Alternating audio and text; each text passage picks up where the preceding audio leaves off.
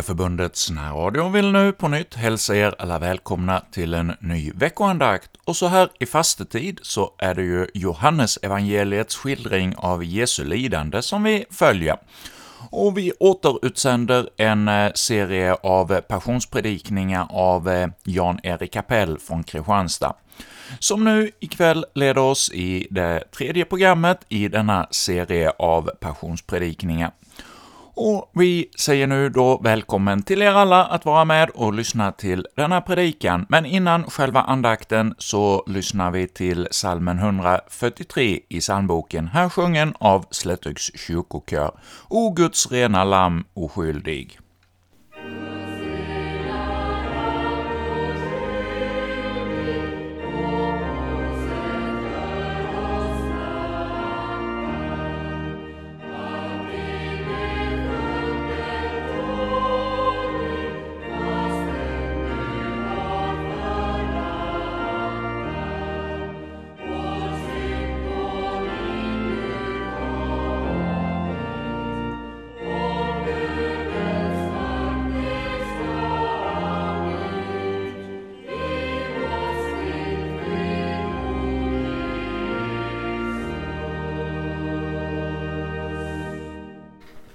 Vi ber.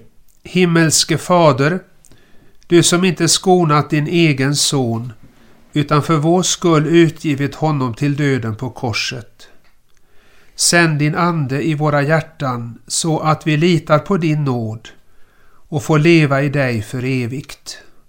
Genom samme din Son, Jesus Kristus, vår Herre. Amen. Vi befinner oss på vandring genom Jesu lidandes historia enligt Johannes evangeliet och ska idag stanna inför kapitel 18, verserna 28 till och med 40. Orden lyder så i Jesu namn. Från Kaifas förde de sedan Jesus till pretoriet. Det var tidigt på morgonen. Själv gick de inte in i pretoriet för att de inte skulle bli orena utan kunna fira påsken. Pilatus gick då ut till dem och frågade Vad anklagar ni den här mannen för? De svarade Om han inte vore en förbrytare hade vi inte överlämnat honom åt dig. Pilatus sa till dem Ta ni honom och döm honom efter er lag.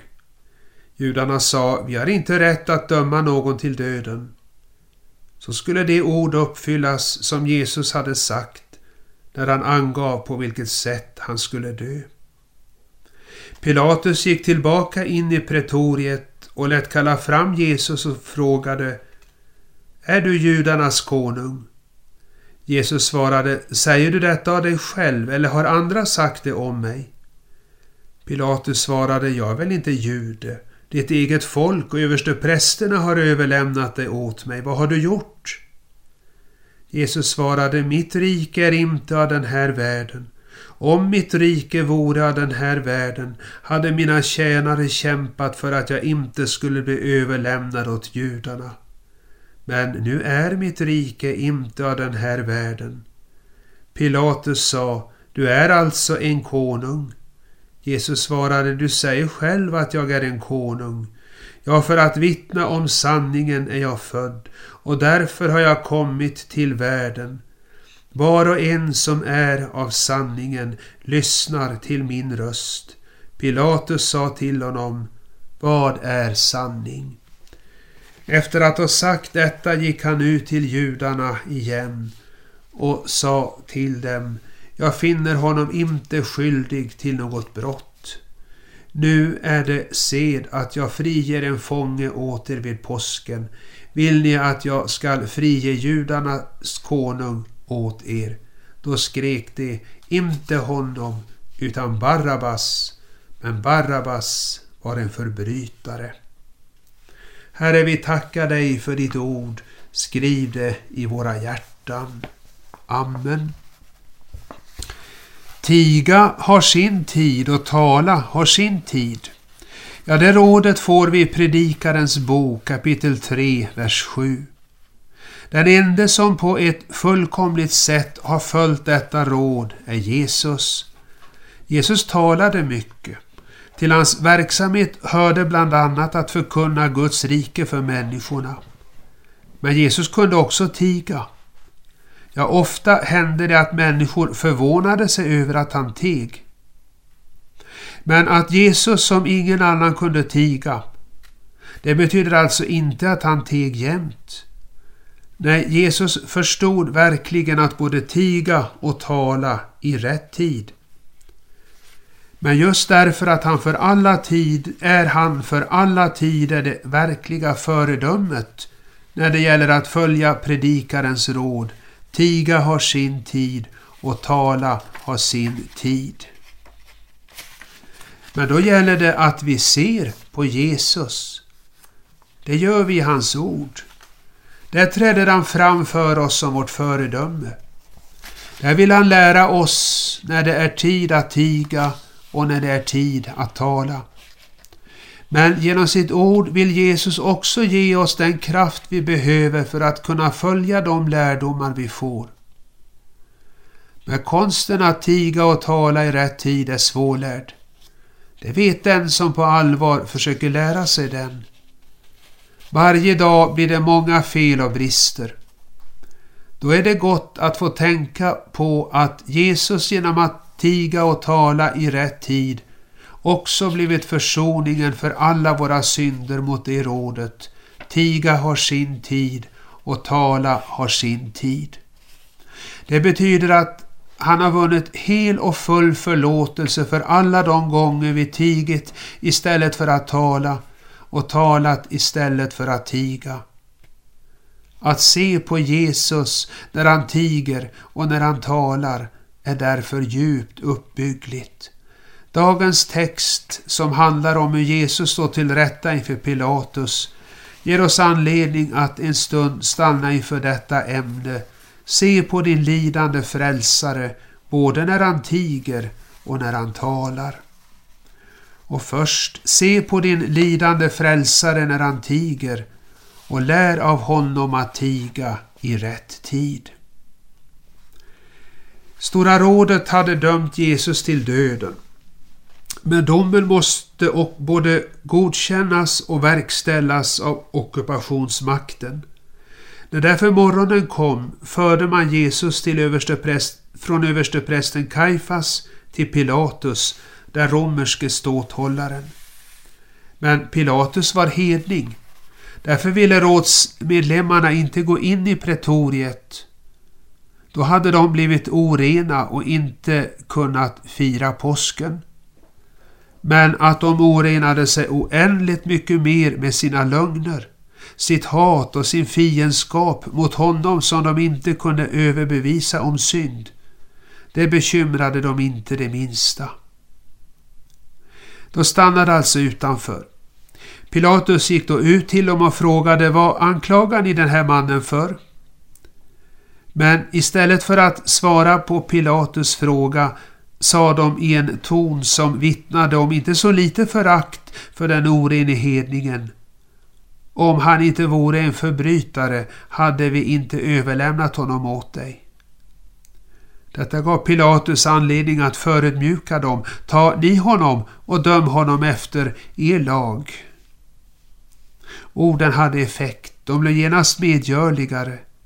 Vi har inte rätt att döma någon till döden, sa de. Men sedan började de anklaga Jesus.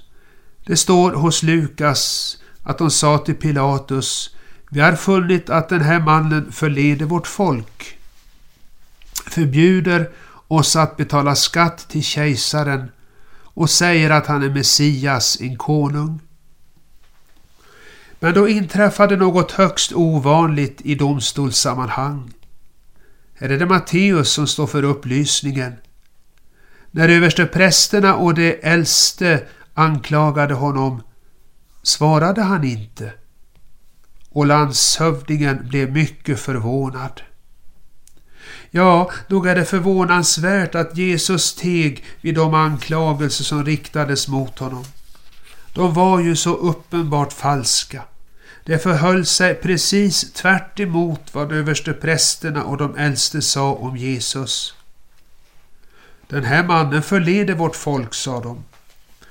Och för att Pilatus riktigt skulle förstå det allvarliga i deras anklagelse och göra med Jesus som de önskade, så fortsatte de Han förbjuder oss att betala skatt till kejsaren. De anklagade honom alltså för att vara en upprorsmakare. Men verkligheten talade ett annat språk. Jesus var alltid mån om att fullgöra sina medborgerliga plikter. Också hos sina lärjungar och andra som lyssnade på honom försökte han både väcka och stärka denna pliktkänsla. Till exempel då han sa, och det är just med tanke på skatten, ge då kejsaren det som tillhör kejsaren. När det gäller anklagelsen att Jesus sagt sig vara Messias, sin konung, så var väl det sant.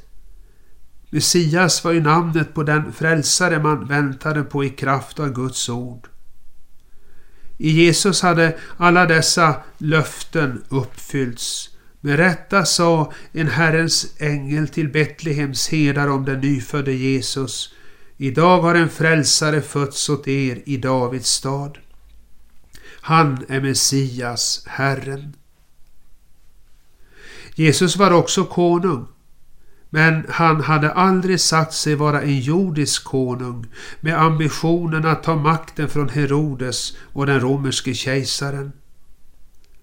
Det var alltså inte för att fienderna hade rätt i sina anklagelser och Jesus inget hade att försvara sig med som han teg. Inte heller var det enbart för att orden om Herrens lidande tjänare skulle uppfyllas. Han blev misshandlad men han ödmjukade sig och öppnade inte sin mun. När den djupaste orsaken till Jesu märkliga tystnad var att han hade gjort vår sak till sin och den kunde inte försvaras. Därför teg Jesus. Genom sin tystnad erkände alltså Jesus att han tagit på sig våra synder och ville lida det straff vi gjort oss förtjänta av. Sant sjunger vi om Jesus. Och skulle jag väl fråga vad du brutit. Det är för mig, för mig ditt blod har flutit. Din smärtas mått, och Jesus, själv jag fyllde. Allt jag förskyllde. När Jesus står där tyst inför sina anklagare, tänk då på detta till varning och väckelse. Tänk på att det var dina synder som stoppade till munnen på Jesus. Tänk på det så att du lägger handen på din mun och inte mer ursäktar och försvarar dig inför Gud utan blir stilla inför honom i uppriktig syndabekännelse. Men då får du också tänka på Jesu tystnad till tröst och uppmuntran. Tack vare att Jesus teg, inte bara inför människors domstol, utan först och sist inför Guds, där han stod som vår representant och lät vårt straff gå ut över sig. Så har han gjort syndares sak och därmed också din sak god hos Gud. Om ditt samvete och Guds ord anklagar och dömer dig och du faller ner inför Herren och tigger om nåd och förbarmande, så är Jesus din trofaste försvarare hos Fadern. Han manar gott för dig. Och vad sonen begär av sin fader, det kan denne inte förneka honom. Du som i dig själv är förtappad och fördömd blir frälst genom Jesus, lycklig och fri. Men tänk på Jesu tystnad också till förmaning. Lär av Jesus att det vid falska anklagelser oftast är bäst att tiga och överlåta saken åt honom som ensam kan fälla en rättvis dom. Ja, att du i allmänhet är tystlåten och tänker på att det är bättre att tiga än illa tala. Du vet säkert också med dig att du med ditt tal i tid och otid skadat både dig själv och andra. Ja, det var det första. Se på din lidande frälsare när han tiger och lär av honom att tiga i rätt tid. Så har vi det andra. Se på din lidande frälsare när han talar och lär av honom att tala i rätt tid. Jesus var inte tyst hela tiden inför Pilatus. Så länge översteprästerna och de äldste framställde sina falska anklagelser mot Jesus så teg han.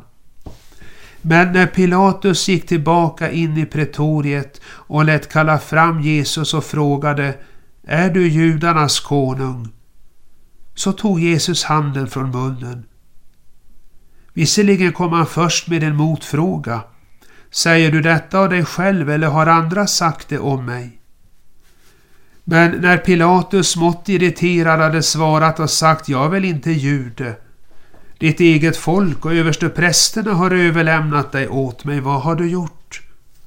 Så bekände Jesus öppet och utan omsvep. Mitt rike är inte av den här världen. Om mitt rike vore av den här världen hade mina tjänare kämpat för att jag inte skulle bli överlämnad åt judarna. Men nu är mitt rike inte av den här världen. Det var alltså representanter för två riken som möttes här. Pilatus för det stora, mäktiga och stolta romarriket som inget annat jordiskt rike kunde mäta sig med. Och Jesus för ett rike som inte ens var utsatt på kartan. Mätt med människomått var det inte svårt att avgöra vem av de två som var mäktigast. Den romerske landshövdingen Pilat. Den romerske landshövdingen. Pilatus hade alla jordiska vapen till sitt förfogande. Jesus stod där ensam och övergiven utan den minsta jordiska hjälp. Pilatus satt på domartronen. Jesus stod på de anklagades plats. Men i verkligheten var det hos Jesus riket, makten och härligheten fanns. Pilatus namn skulle för länge sedan ha fallit i glömska om det inte för alla tider blivit bevarat som namnet på den som pinat världens frälsare. Och romarriket, en gång det verkliga världsriket, finns inte mer. Det dröjde inte så länge förrän det föll sönder och gick under. Men Kristi rike varar och sig allt mer förklarar. Ja, just därför att detta rike är av annat slag än denna världens riken så kan det aldrig vackla eller gå under. Och en gång ska det hållas ett förhör med ombytta roller då det är Jesus som sitter som domare och hans domare och anklagare som står till rätta. Vad var det då som gjorde Pilatus så liten i all hans yttre storhet och Jesus så stor under all, han, all utvärtes ringhet? Jo, det var deras olika förhållande till sanningen. Tvivlaren Pilatus som endast med en axelryckning avfärdade frågan vad är sanning och verkade så övermodig och mäktig i förhållande till Jesus han var innerst inne så rädd för människor att han inte vågade annat än frige rövaren Barabbas och döma Guds helige till döden. Och det fastän han var övertygad om Jesu oskuld och helst hade velat frige honom. Han sa ju till judarna när han gått ut till dem igen. Jag finner honom inte skyldig till något brott. Nu är det ser att jag friger en fånge åter vid påsken. Vill ni att jag skall frige judarnas konung åt er? Annat var det med Jesus. Han visste att hans bekännelse skulle kosta honom lidande och död. Ändå bekände han rakt på sak och utan någon fruktan. Du säger själv att jag är en konung. Ja, för att eh, vittna eh, för sanningen är jag född och därför har jag kommit till världen. Än idag är det förhållandet till sanningen som skiljer människor åt. Så länge människor förhåller sig till Jesus som överste prästen och de äldste, som bara sökte efter sådant de kunde anklaga honom för, Eller som Pilatus som av människofruktan handlade mot sin samvetsövertygelse så förnekar de sanningen och därmed också Jesus som är sanningens konung. Men de som lyssnar till Jesu röst i ordet, de som vill vara sanna inför Herren och ber honom göra dem sådana, de som både vill veta sanningen och följa dem, de är av sanningen, säger Jesus. Visst finns det falskhet och lögn i deras hjärtan. Och ständigt frestas de till att låta detta ta sig uttryck i både ord och handlingar. Att de ändå hör till sanningen, det kan man förstå av att de sörjer över den inneboende lögnen och falskheten.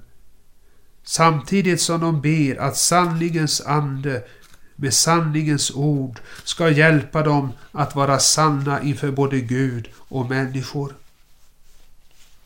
Glöm då aldrig när du vill ha med Jesus att göra att han är konung i sanningens rike och kräver av sina följeslagare att de ska vara av sanningen. Själv kan du inte göra dig sådan Jesus vill ha dig. Det vet du om du försökt. Men Jesus kan. Överlämna dig därför åt honom i hans ord och be att han med sin ande gör dig sådan att du passar för det sanningens rike där han är konung. Att han då också gör dig sådan, det får du hålla fast vid också när du måste sörja över allt lögnaktigt som finns hos dig.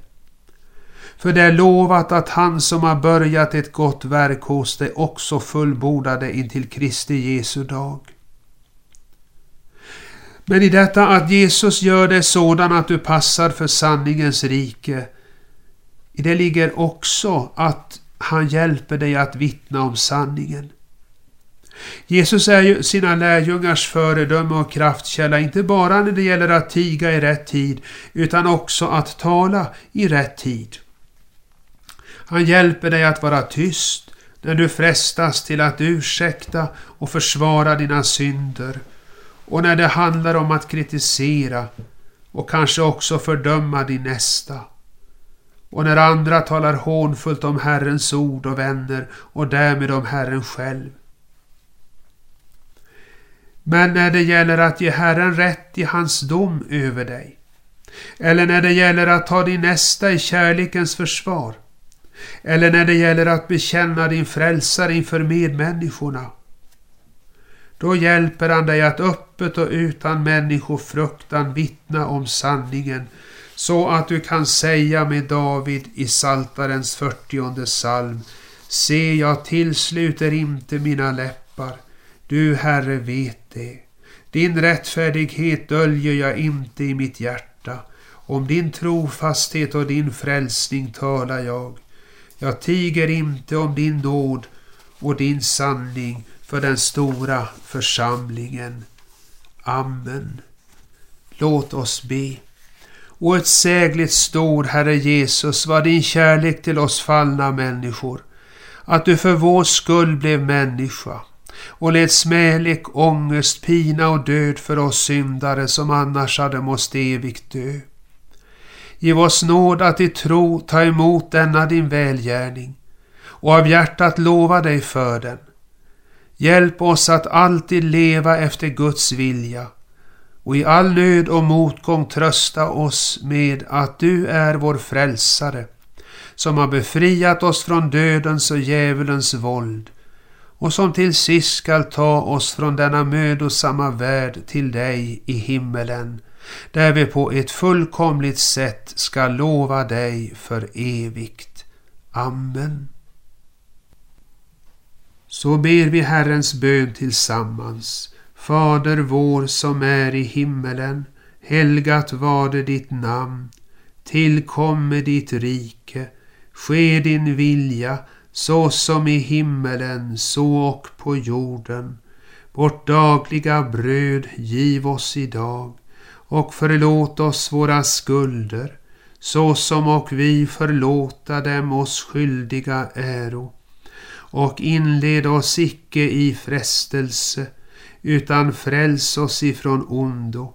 ty riket är ditt och makten och härligheten i evighet.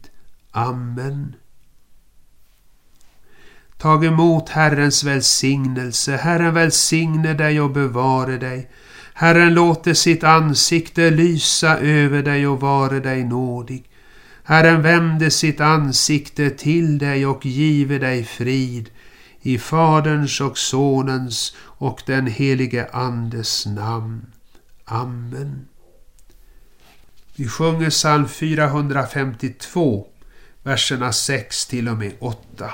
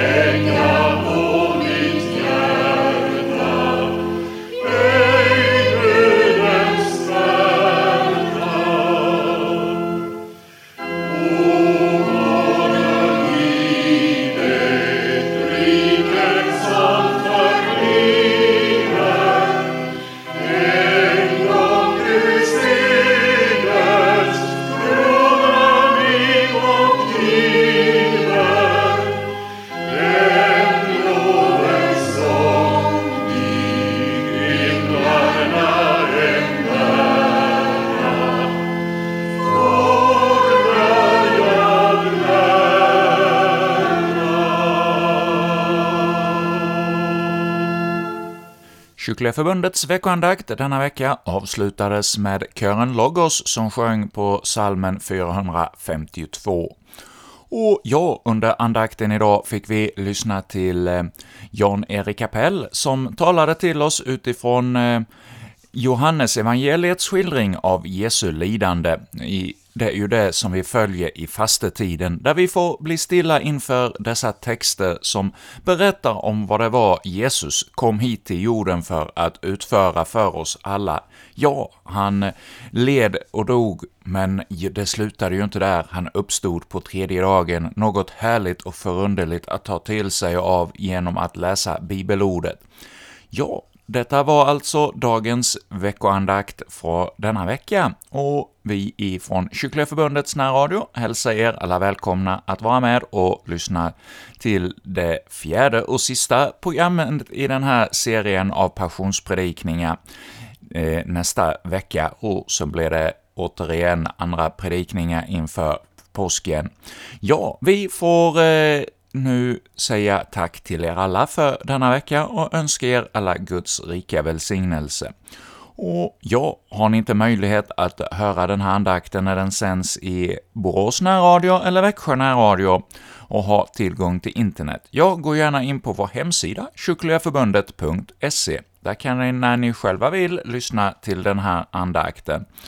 Och ja, söker man efter Kyrkliga Förbundet i en poddradiospelare i mobiltelefonen, ja, då hittar ni oss också där och kan lyssna till oss på väg till jobbet eller till skolan eller vad ni nu är på väg. Ja, med detta säger vi nu då tack för denna gång och önskar er alla Guds rika välsignelse.